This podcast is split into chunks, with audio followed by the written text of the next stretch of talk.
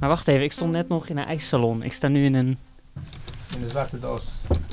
in een zwarte doos van een filmzaal. Hè? Welkom bij aflevering 2 van Op de Vijfde Rij in de magische bioscoop. Ik zit midden in een persoonlijke missie. Want voor mij is de filmzaal heilig. En ik wil, zoals religieuze Amerikaanse ouders die hun kinderen homeschoolen, wil ik mijn ideologie meegeven aan mijn pasgeboren kind. Een soort indoctrinatie. Maar de filmzaal is echt magisch en ik kan het bewijzen. Ik reis daarom kriskras langs allerlei bioscopen. In aflevering 1 was dat nog in Schotland, Roermond en Amsterdam. En in deze aflevering bezoek ik Stephanie Cassette in België. Zij kreeg de sleutel van de dorpsbioscoop waar ze als kind kwam. En ik ga naar Vlieland, naar Bojan Bajic. Hij is oorlogsvluchteling en hij begon een filmzaal in zijn ijssalon. Hun verhalen, maar vooral ook hun passie is precies wat ik wil doorgeven. Dus deze op de vijfde rij gaat een keer niet over films, maar juist de unieke plekken waar we ze zien.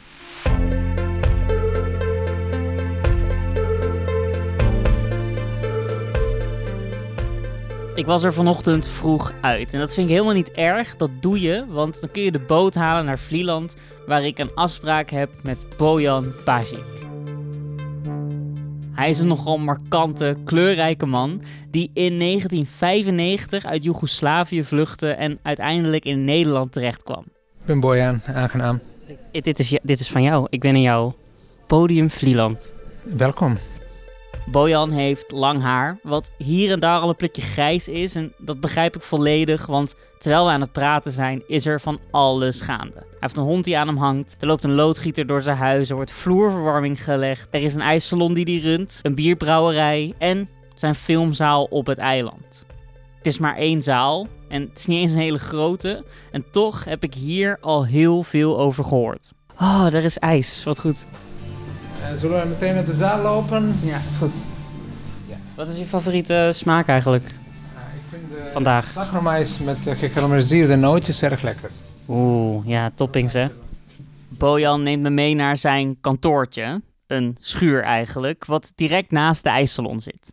Het is een plek waar een fles wijn staat, een gitaar, een paar halters en gewichten en foto's van zijn vrouw en gezin. Dat dit kleine familie-imperium bestaat op Vlieland, dat heeft nogal wat werk gekost. En dat werk dat begint in Brabant in 1995. Dit is hoe de intro van het NOS-journaal toen klonk. NOS, het journaal.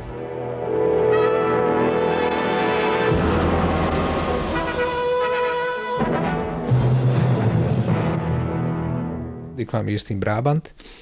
Toen bad ik tot God om ergens bij de zee terecht te komen. En toen ben ik overgeplaatst met mijn vrouw en kind van drie maanden naar Terschelling. En ik was super gelukkig. En mijn vrouw was doodongelukkig. Dacht ze, wij gaan naar het noorden, 300 kilometer. Ik maakte nog grapje, daar spreken ze Deens en geen Nederlands. Toen kwamen we op Terschelling, ik was meteen verliefd. Terschelling is ook een prachtige eiland, eigenlijk precies hetzelfde als Vlieland. En toen zaten we daar eh, een jaar en drie maanden. En toen ging die asielzoekerscentrum dicht en wij werden overgeplaatst naar Vlieland. Na, pas na twintig jaar realiseer ik eigenlijk op wat waanzinnige plek je woont. Want de eerste jaren waren overlevingsjaren. Onzekerheid, mag je blijven, weet je, moet ik weg, overlevingsmodus. En nu ben je een beetje dat gepasseerd en nu pas besef je, dit is echt het mooiste stuk van, eh, van Nederland. Met de mooiste zaal. Terwijl ik kijk naar Bojan en dat drukke leven van hem, begin ik me opeens heel sterk af te vragen of hij überhaupt wel zo'n hele grote filmkijker is. Als we vrienden willen worden samen, dan moeten we ook eerlijk zijn met elkaar. Je bent dus niet per se echt een filmkijker, toch? Er zijn heel veel eigenaren van filmzalen. Nou, die kunnen duizend miljoen films opnoemen en die kijken er elke dag vijf. Eh, hoeveel films heb je dit jaar gezien, als je een nieuw getal moet zeggen? Dit jaar heb ik één film gezien.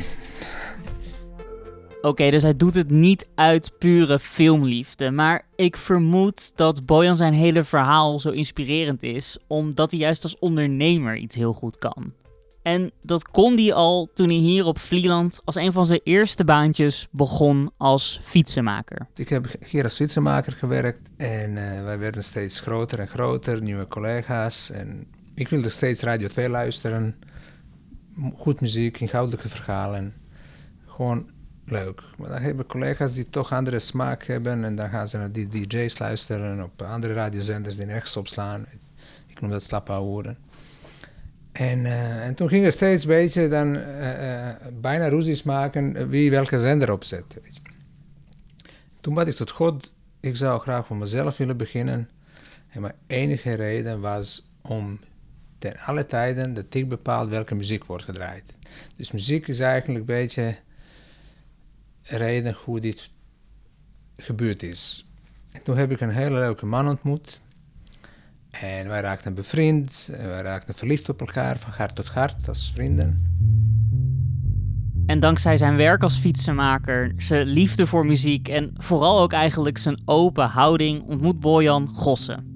In hun zeldzame vorm van mannenvriendschap besluiten ze samen iets nieuws te ondernemen. Iets wat Vlieland nog niet heeft. Een plek waar Bojan bovendien zelf de muziek kan kiezen.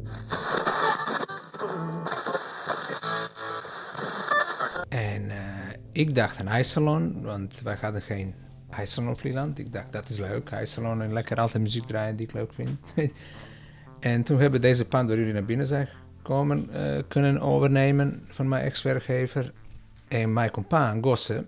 En hij zat hier in de tuin, in die tuin waar wij nu zitten. Hij zat en hij zei, die pand is te groot voor, alleen voor ijssalon.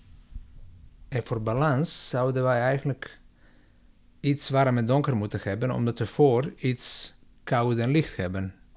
Dus voor balans, want wij zoeken balans in onze relatie, wij zoeken balans met andere mensen, wij zoeken balans in onszelf.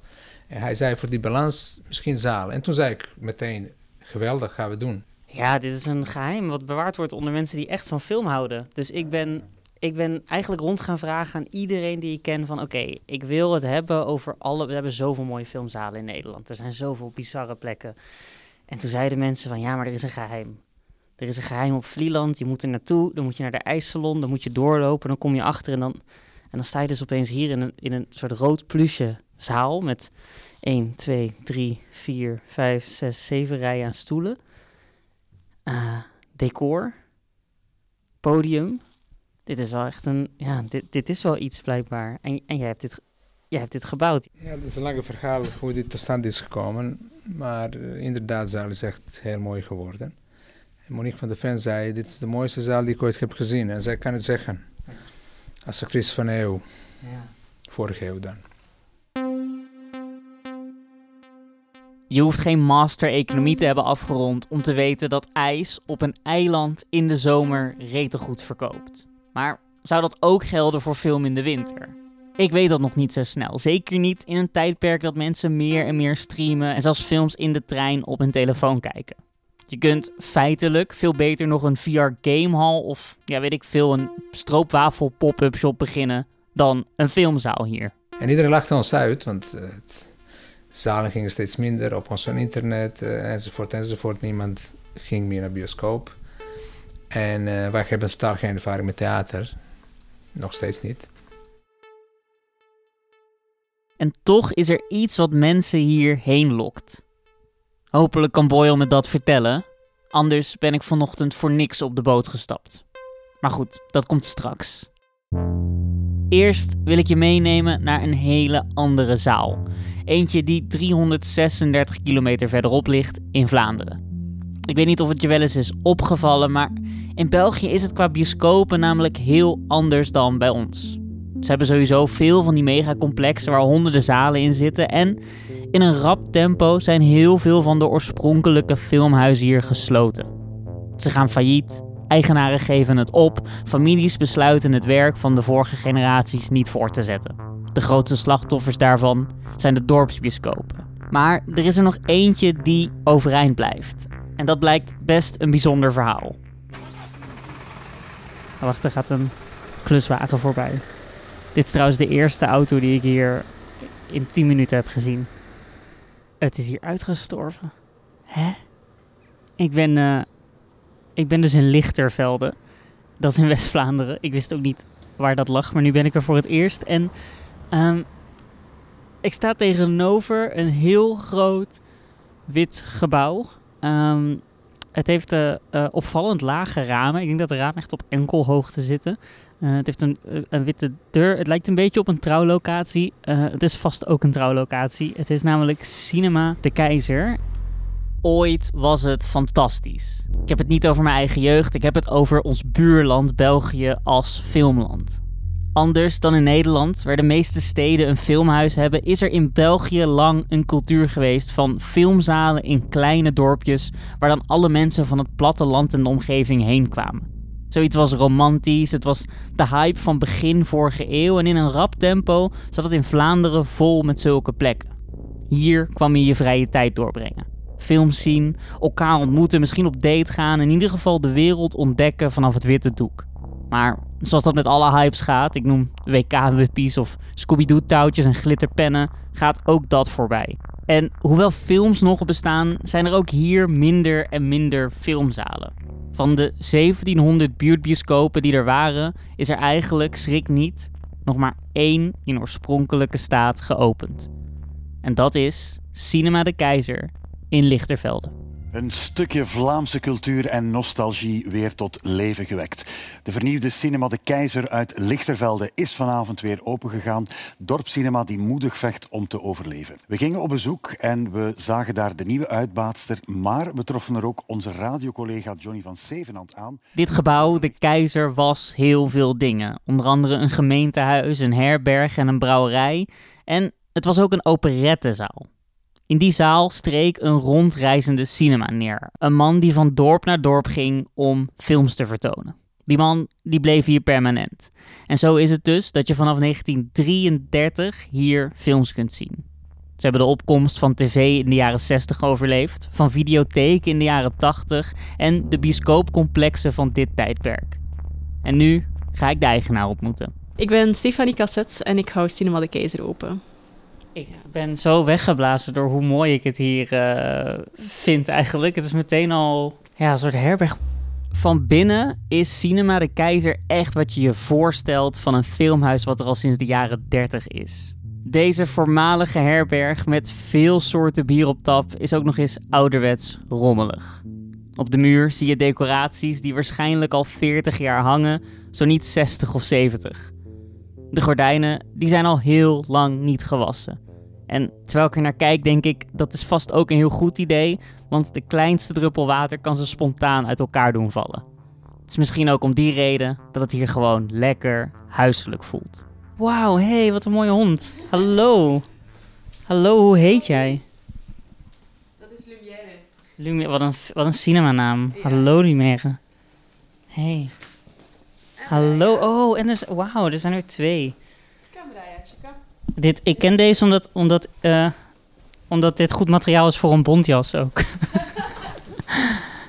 Stephanie is begin 30.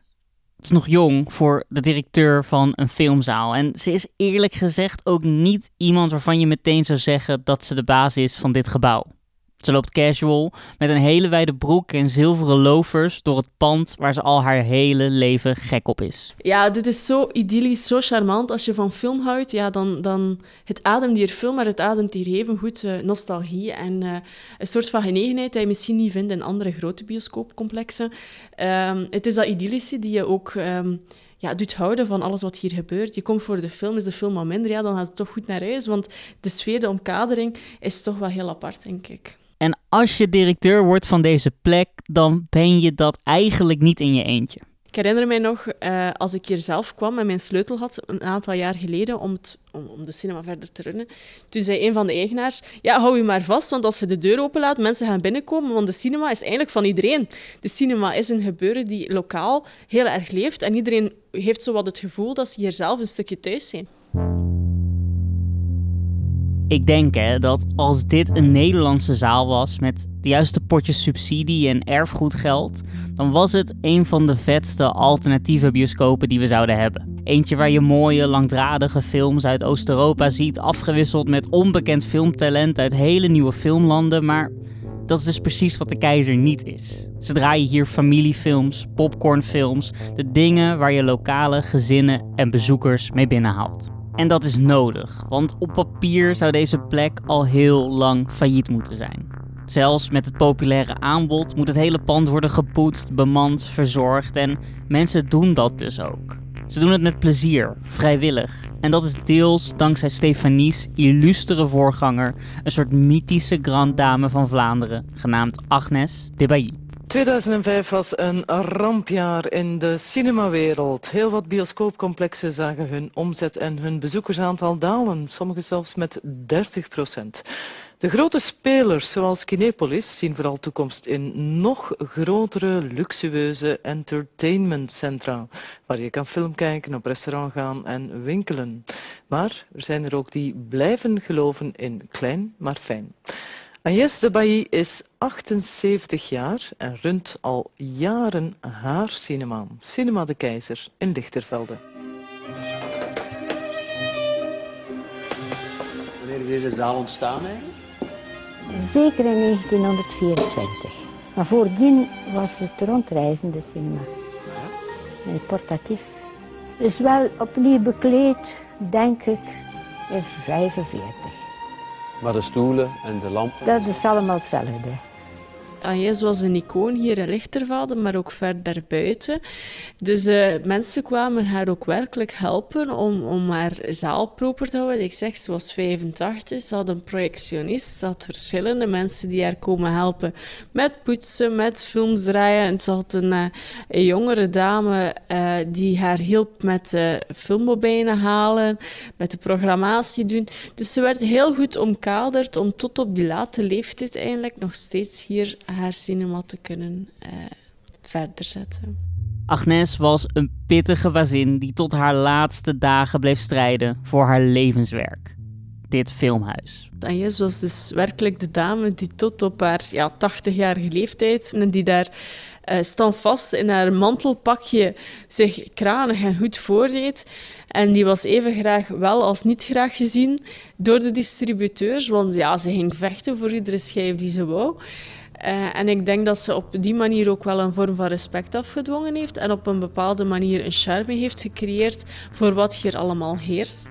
En zoals in een script van een Christopher Nolan film heeft de tijd hier voor een herhaling gezorgd. Want nu staat Stephanie hier dus in precies dezelfde rol die Agnes had toen ze hier zelf kwam als kind. Heb je er wel eens ontmoet? Ja, tuurlijk. Ik was hier het kleine meisje die aan het loket stond. En wij waren dan met drie die de cinema binnengingen. En toen zei ze, ja, zij maar met drie gaan maar gratis binnen, zei ze. dus ze was gewoon heel blij. Ze had ook geen nabestaanden. Hij is dus nooit getrouwd geweest. Um, ze was ook heel blij dat ze dat op die manier kon doen, zonder dat ze daar iets hoefde uit terug te winnen. Uh, op het einde heeft ze eigenlijk de cinema in stand gehouden in plaats van er zelf van geleefd. Dus het is heel mooi dat haar filosofie uh, na haar overlijden 2012 ook niet teloor gegaan is. En dat is mooi omdat hier eigenlijk iets heel anders zou gebeuren. Deze hele filmzaal zou tien jaar geleden voor goed gesloten worden. Net als die andere 1700 buurtbioscopen zou ook in Cinema de Keizer geen film meer te zien zijn. Alleen in plaats daarvan gebeurde er in Lichtervelde iets unieks. Agnes was overleden en toen werd onmiddellijk duidelijk dat de familie Dubaye, de grote familie, eh, want dat is een grote familie die, van welstellende mensen, eh, dat die geen interesse hadden om de cinema verder te houden. Uh, ook omdat Agnes geen nabestaanden hè, dus ze was niet getrouwd, ze had geen kinderen. Uh, dus ja, het werd redelijk snel duidelijk dat de cinema zou verkocht worden. En dan hebben heel, heel snel mensen samengezeten en gedacht van hoe kunnen we dit stoppen, hoe kunnen we dit redden. Ja, ja daar, moet ik wel, daar wil ik toch wel echt veel meer over weten. Want vertel, dus, dus um, we hebben het over het jaar 2012. Ja. En toen waren er plannen dat dit pand verkocht zou worden. Ja. En potentieel gesloopt, bulldozer eroverheen, tot de grond gelijk, waar jij dus als kind ook naartoe ging. Dat hele gebouw weg, al je herinneringen weg. Ja, klopt. En het is dan ook wel opmerkelijk, vind ik, als je ziet zo, we leven in een moderne tijd en alles is haastig en alles is zo, ieder voor zich wat. Maar toch merk je dan als zoiets, uh, ja, de afgrond nabij is, dat dan toch die gemeenschap zich vormt en dat er dan toch ja, een hele hoop mensen paraat staan om het, om het te redden en om toch die charme te houden die er ooit was. Uh, op dat moment zijn zeven mensen hier uit Lichtervelde uh, samengekomen en die hebben de portefeuille samengelegd om dit pand te kopen. Niet om daar iets uit te winnen, maar echt gewoon om het te redden van de sloop. Je zou denken mooi. Zeven anonieme helden kopen het gebouw, redden de cinema en er hoeft dus geen bulldozer meer door dit eeuwenoude pand waar iedereen van houdt. Einde podcast, einde verhaal. Bedankt aan onze sponsor, een of ander matras en tot de volgende aflevering. Maar feitelijk is de keizer niet gered. Het pand is namelijk oud. Je ziet de vochtplekken op de muren, de schade van lekkages en je voelt het toch langs de kieren lopen. Deze plek staat nog steeds op omvallen. Wat zijn de grote... ja, ik kan me wel iets voorstellen. Ik, zie hier vier kleine radiatoren staan voor een, voor een gigantische zaal. Dus ik kan me voorstellen dat dat al heel wat energie kost. Wat zijn andere dingen die... Ja, energiekosten zijn hier de grootste. De isolatie van het gebouw, ook de buitenmuren zijn, eh, eh, zijn niet in super staat meer. De goten, de oude goten zouden moeten vervangen worden. Ja, en het gaat allemaal om hele grote oppervlaktes. Hè. Dus het is niet zomaar even uh, lap en tap en we, we pluggen dat hier maar weer oké. sommige dingen moeten echt grondig nagezien worden. En daar zijn we nu aan het kijken. Wat is het meest essentiële? Wat moeten we als eerste gaan doen?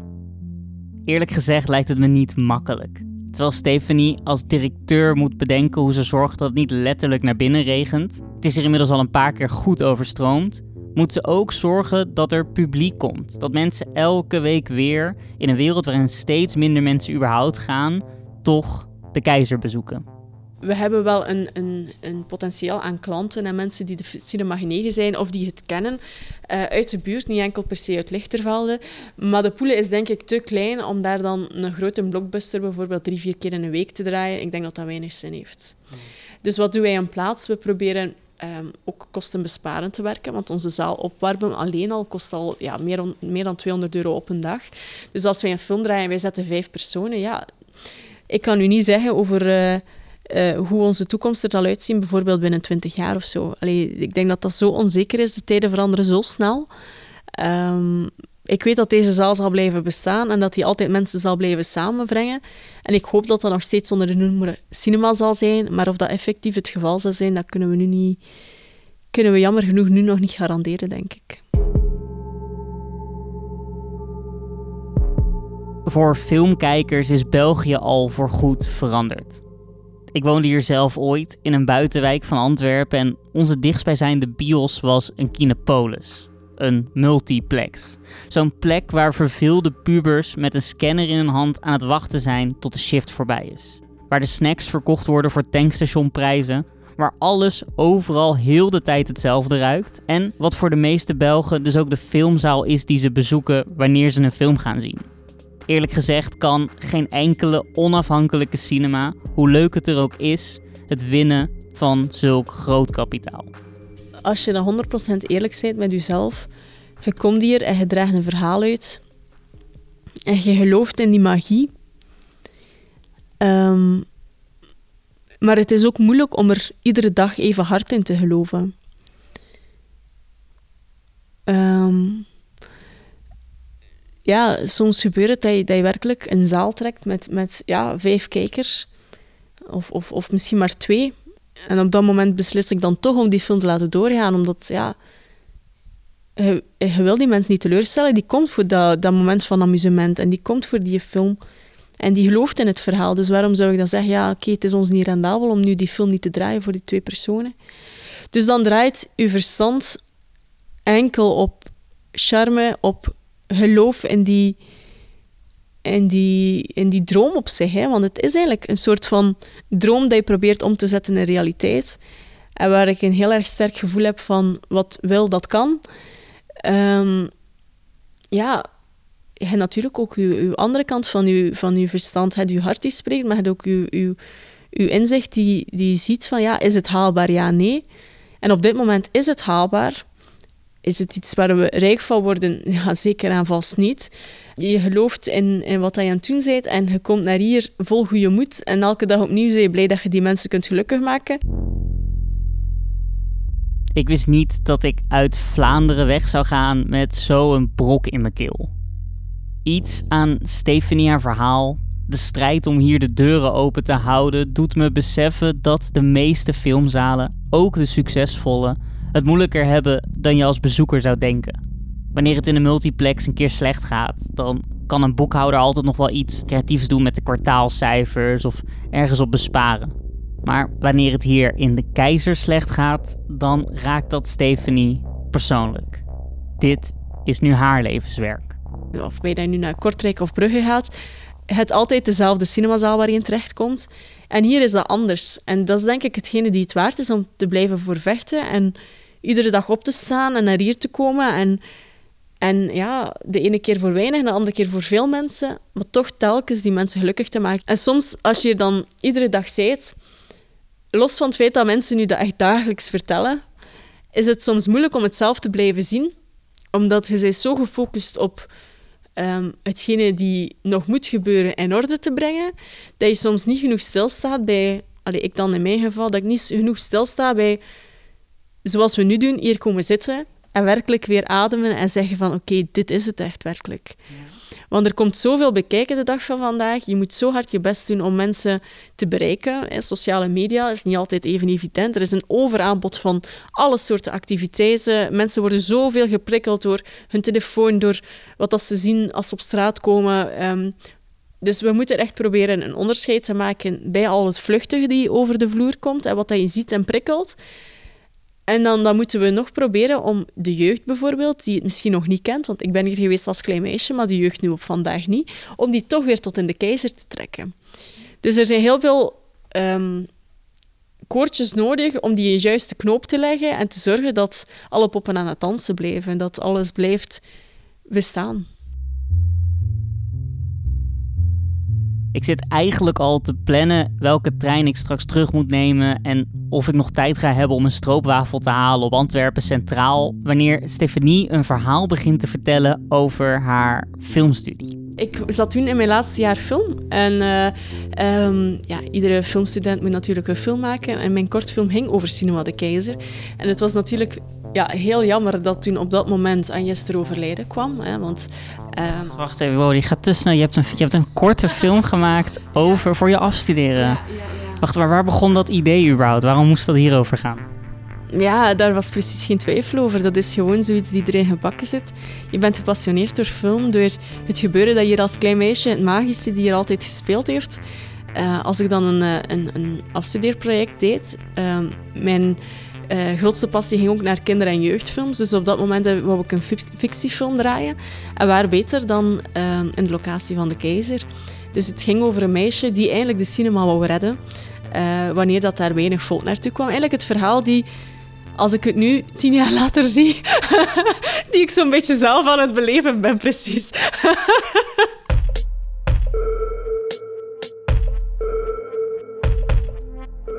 Terug op Vlieland. Het eiland, het paradijs, waar ik helemaal naartoe gevaren ben om te leren hoe daar een filmhuis is wat gewoon loopt. Want als je dit eiland kunt zien als een soort klein Nederland, dan is het filmhuis wat hier werkt het soort filmhuis wat we overal in het land nodig hebben. Dit is een proefkeuken van een nieuw soort ondernemerschap. Al vindt eigenaar Bojan Bajic zichzelf helemaal geen ondernemer. Ik vind ondernemer een beetje een rare woord. Ik zie mijzelf niet als ondernemer. Ik zie mijzelf meer als moeder van die activiteiten die ik dan ontplooi. Ondernemer is ook... Vaak doe je iets ten koste van iemand anders. Vaak. En dat, uh, dat is dan lastig. Ja, en, en dat is nog... Ja, ondernemer is al een gek woord. Maar het woord bij de bioscopen zeggen ze altijd exploitant. Exploitant. exploitant alsof er iets ook uitge... Ja, dat is ook zo... Het is totaal niet geen sexy woord. Toch? Of uitbater, ook zo'n raar woord. Ik vind moeder juist een mooi woord. Uitbater of niet, Bojan runt op Vlieland meer dan alleen de zaal achter de ijssalon. De manier waarop zijn tweede filmzaal werkt is inspirerend. Toen wij die podium hier zijn begonnen, ik droomde altijd om open luchtbioscoop uh, te draaien. Uh, en toen heb ik, uh, heb ik me een beetje in verdiept. kwam ik iemand tegen die dat in Amsterdam deed. Ploeg de Nacht heet die, die, die activiteit. En die man heeft me geholpen om een goede apparatuur te vinden. En toen ben ik het hier uitgerold, elf jaar geleden. Twee, drie keer per week, hele zomer lang draaien we film in het bos, achter de duin. En je kijkt naar de sterren, de duizend sterren bioscoop. En het is, weet je, op, op, op steenworp afstand van de, van de zee. Zo'n schitterende locatie. Maar, maar, wacht even, want ik, toen we net naar binnen liepen, als je hier zo binnenloopt, heb je ijssalon, dan heb je dus die, die zaal. Dan kom je opeens in een filmzaal achter in de salon. Uh, Er staat dan op zaal 1. Ja, precies. Maar wat is dan zaal 2? Dat is die openluchtbioscoop. Uh, zaal 2 is openluchtbioscoop. Dus, Zaal dus 2 is heel eiland eigenlijk, ja. En wij hebben nog een zaal 3 gebouwd in de brouwerij. Nog een zaaltje 3. En voor we het weten zitten we in de auto. Naar de brouwerij waar Bojan en zijn zakenpartner nu dus bier maken. Niet dat ik echt heel benieuwd ben naar hoe dat dan allemaal gaat. Maar we zijn op een eiland en als je gast hier in een jeep stapt, dan stap jij ook in. Dat is volgens mij hoe het hier werkt. Is dat eh, net als met buschauffeurs, dat je gewoon altijd zwaait? Of kende je die man? Wij zwaaien naar, naar elkaar hier op Vlieland. Dat is zo grappig, dan kom ik eh, aan de Waal in Harlingen. Als ik met de auto rijd, dan begin ik te zwaaien aan iedereen. Tot ik besef, ik ben nu in Harlingen. Daar zwaait niemand. Ja. En zo rijden we dwars over het eiland. Ik, mijn eindredacteur Jelle, Bojan en zijn hond Maxi, die steeds en steeds enthousiaster wordt naarmate we dichter bij de brouwerij komen. En dan, als we er zijn, springt hij opeens de auto uit. Ja, Maxi! Kijk, 60 km per uur. Dit is de snelste hond van eh, Vlieland. Goed zo, Maxi!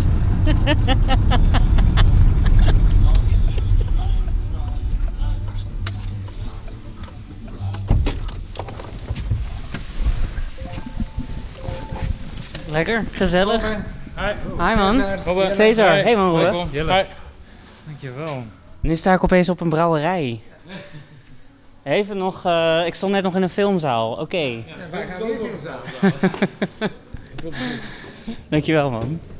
Oké, nu naar boven. Zo in de brouwerij, tussen van die grote steriele vaten waar bieren in gisten, die hier op het eiland gebotteld en gedronken worden, vertelt Bojan me over de tactiek van zijn filmzaal. Kijk, je kunt de laatste bioscoopfilms ook in de rest van Nederland zien. Daarom programmeren ze hier geen nieuwe films, want die zijn duur. En bovendien gaat film kijken op Vlieland niet om het kijken van het laatste. Er is een bepaalde sfeer waarvoor mensen hier komen. Daarom zijn die films, denk ik, hier kijken nog boeiender dan thuis. Daar kijk je met andere mensen, ontstaan vriendschappen.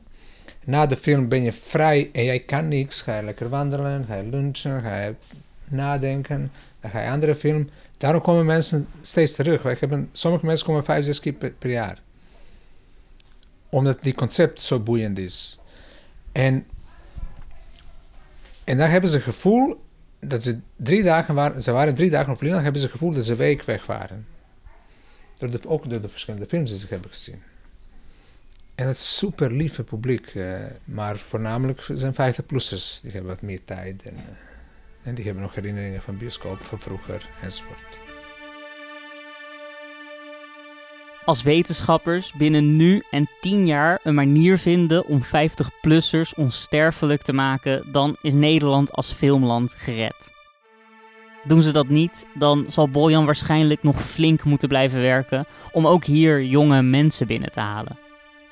Iets zegt me dat hij dat zonder morren gaat doen, zonder een greintje tegenzin. Ik was toen ik asielzoeker was, toen ik, eh, toen ik eh, als af, ik werkte in AFAS, ik werkte als schilderkapper.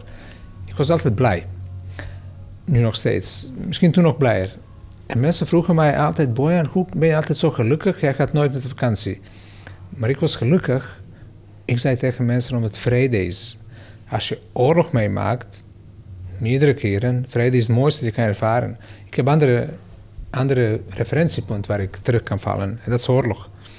Daarom ben ik blij. Als je vrede ervaart, dat is een reden om blij te zijn. En die dingen zijn langzamerhand meer belasting geworden. Want ik heb zoveel te doen. Weet je, dat. En ik merk dat ik wel ouder word en dat je dan wel iets minder energie hebt. Vroeger vond ik geen probleem om 14 uur per dag te werken, maar nu is het een beetje lastiger.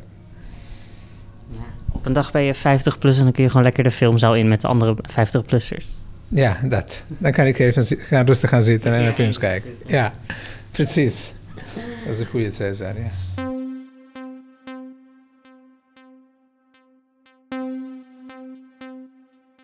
Als er een geheim bestaat voor de toekomst van alle filmhuizen, dan is het dat ze het alleen kunnen redden met mensen die een klein beetje gestoord zijn. Mensen zoals Stephanie en Bojan, die leven voor hun culturele thuisbasis. Die investeren in gemeenschap, die zo nu en dan kinderen gratis de zaal inlaten, gewoon om ze een film te tonen. De mensen die er een evenement van maken, van iets wat ook uiteindelijk een evenement is. Film kijken. Jezelf overgeven aan het leven van een ander. In aflevering 1, toen ik Mark Cousins sprak, toen vertelde hij me ook zoiets. I know people who say, I love dancing, but I haven't danced in ages. And you think, why not if you love it?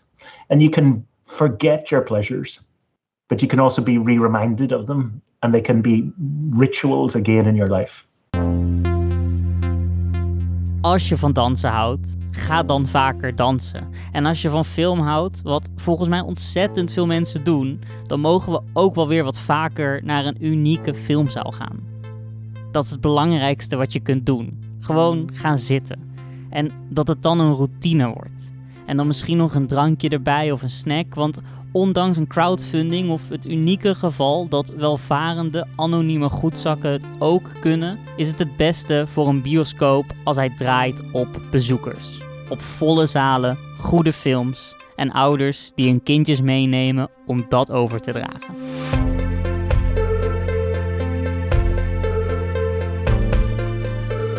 Je luisterde naar een aflevering van Op de Vijfde Rij, een productie van VPRO Cinema en het AI Filmmuseum. Later dit jaar keren we terug met een aantal nieuwe reeksen en nieuwe verhalen. Maar heb je nou zelf een goed idee? Iets wat we volgens jou echt moeten onderzoeken?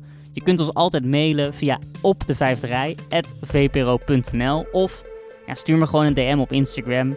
Daar heet ik Cesar Forever. Op de vijfde rij wordt gemaakt door mij, Cesar Majorana, samen met eindredacteur Jelle Schot, redacteur Anna Meijer en editor Friedjof Kalf. De soundtrack is van Julius Jongsma. Het artwork werd gemaakt door Aafke Bouwman.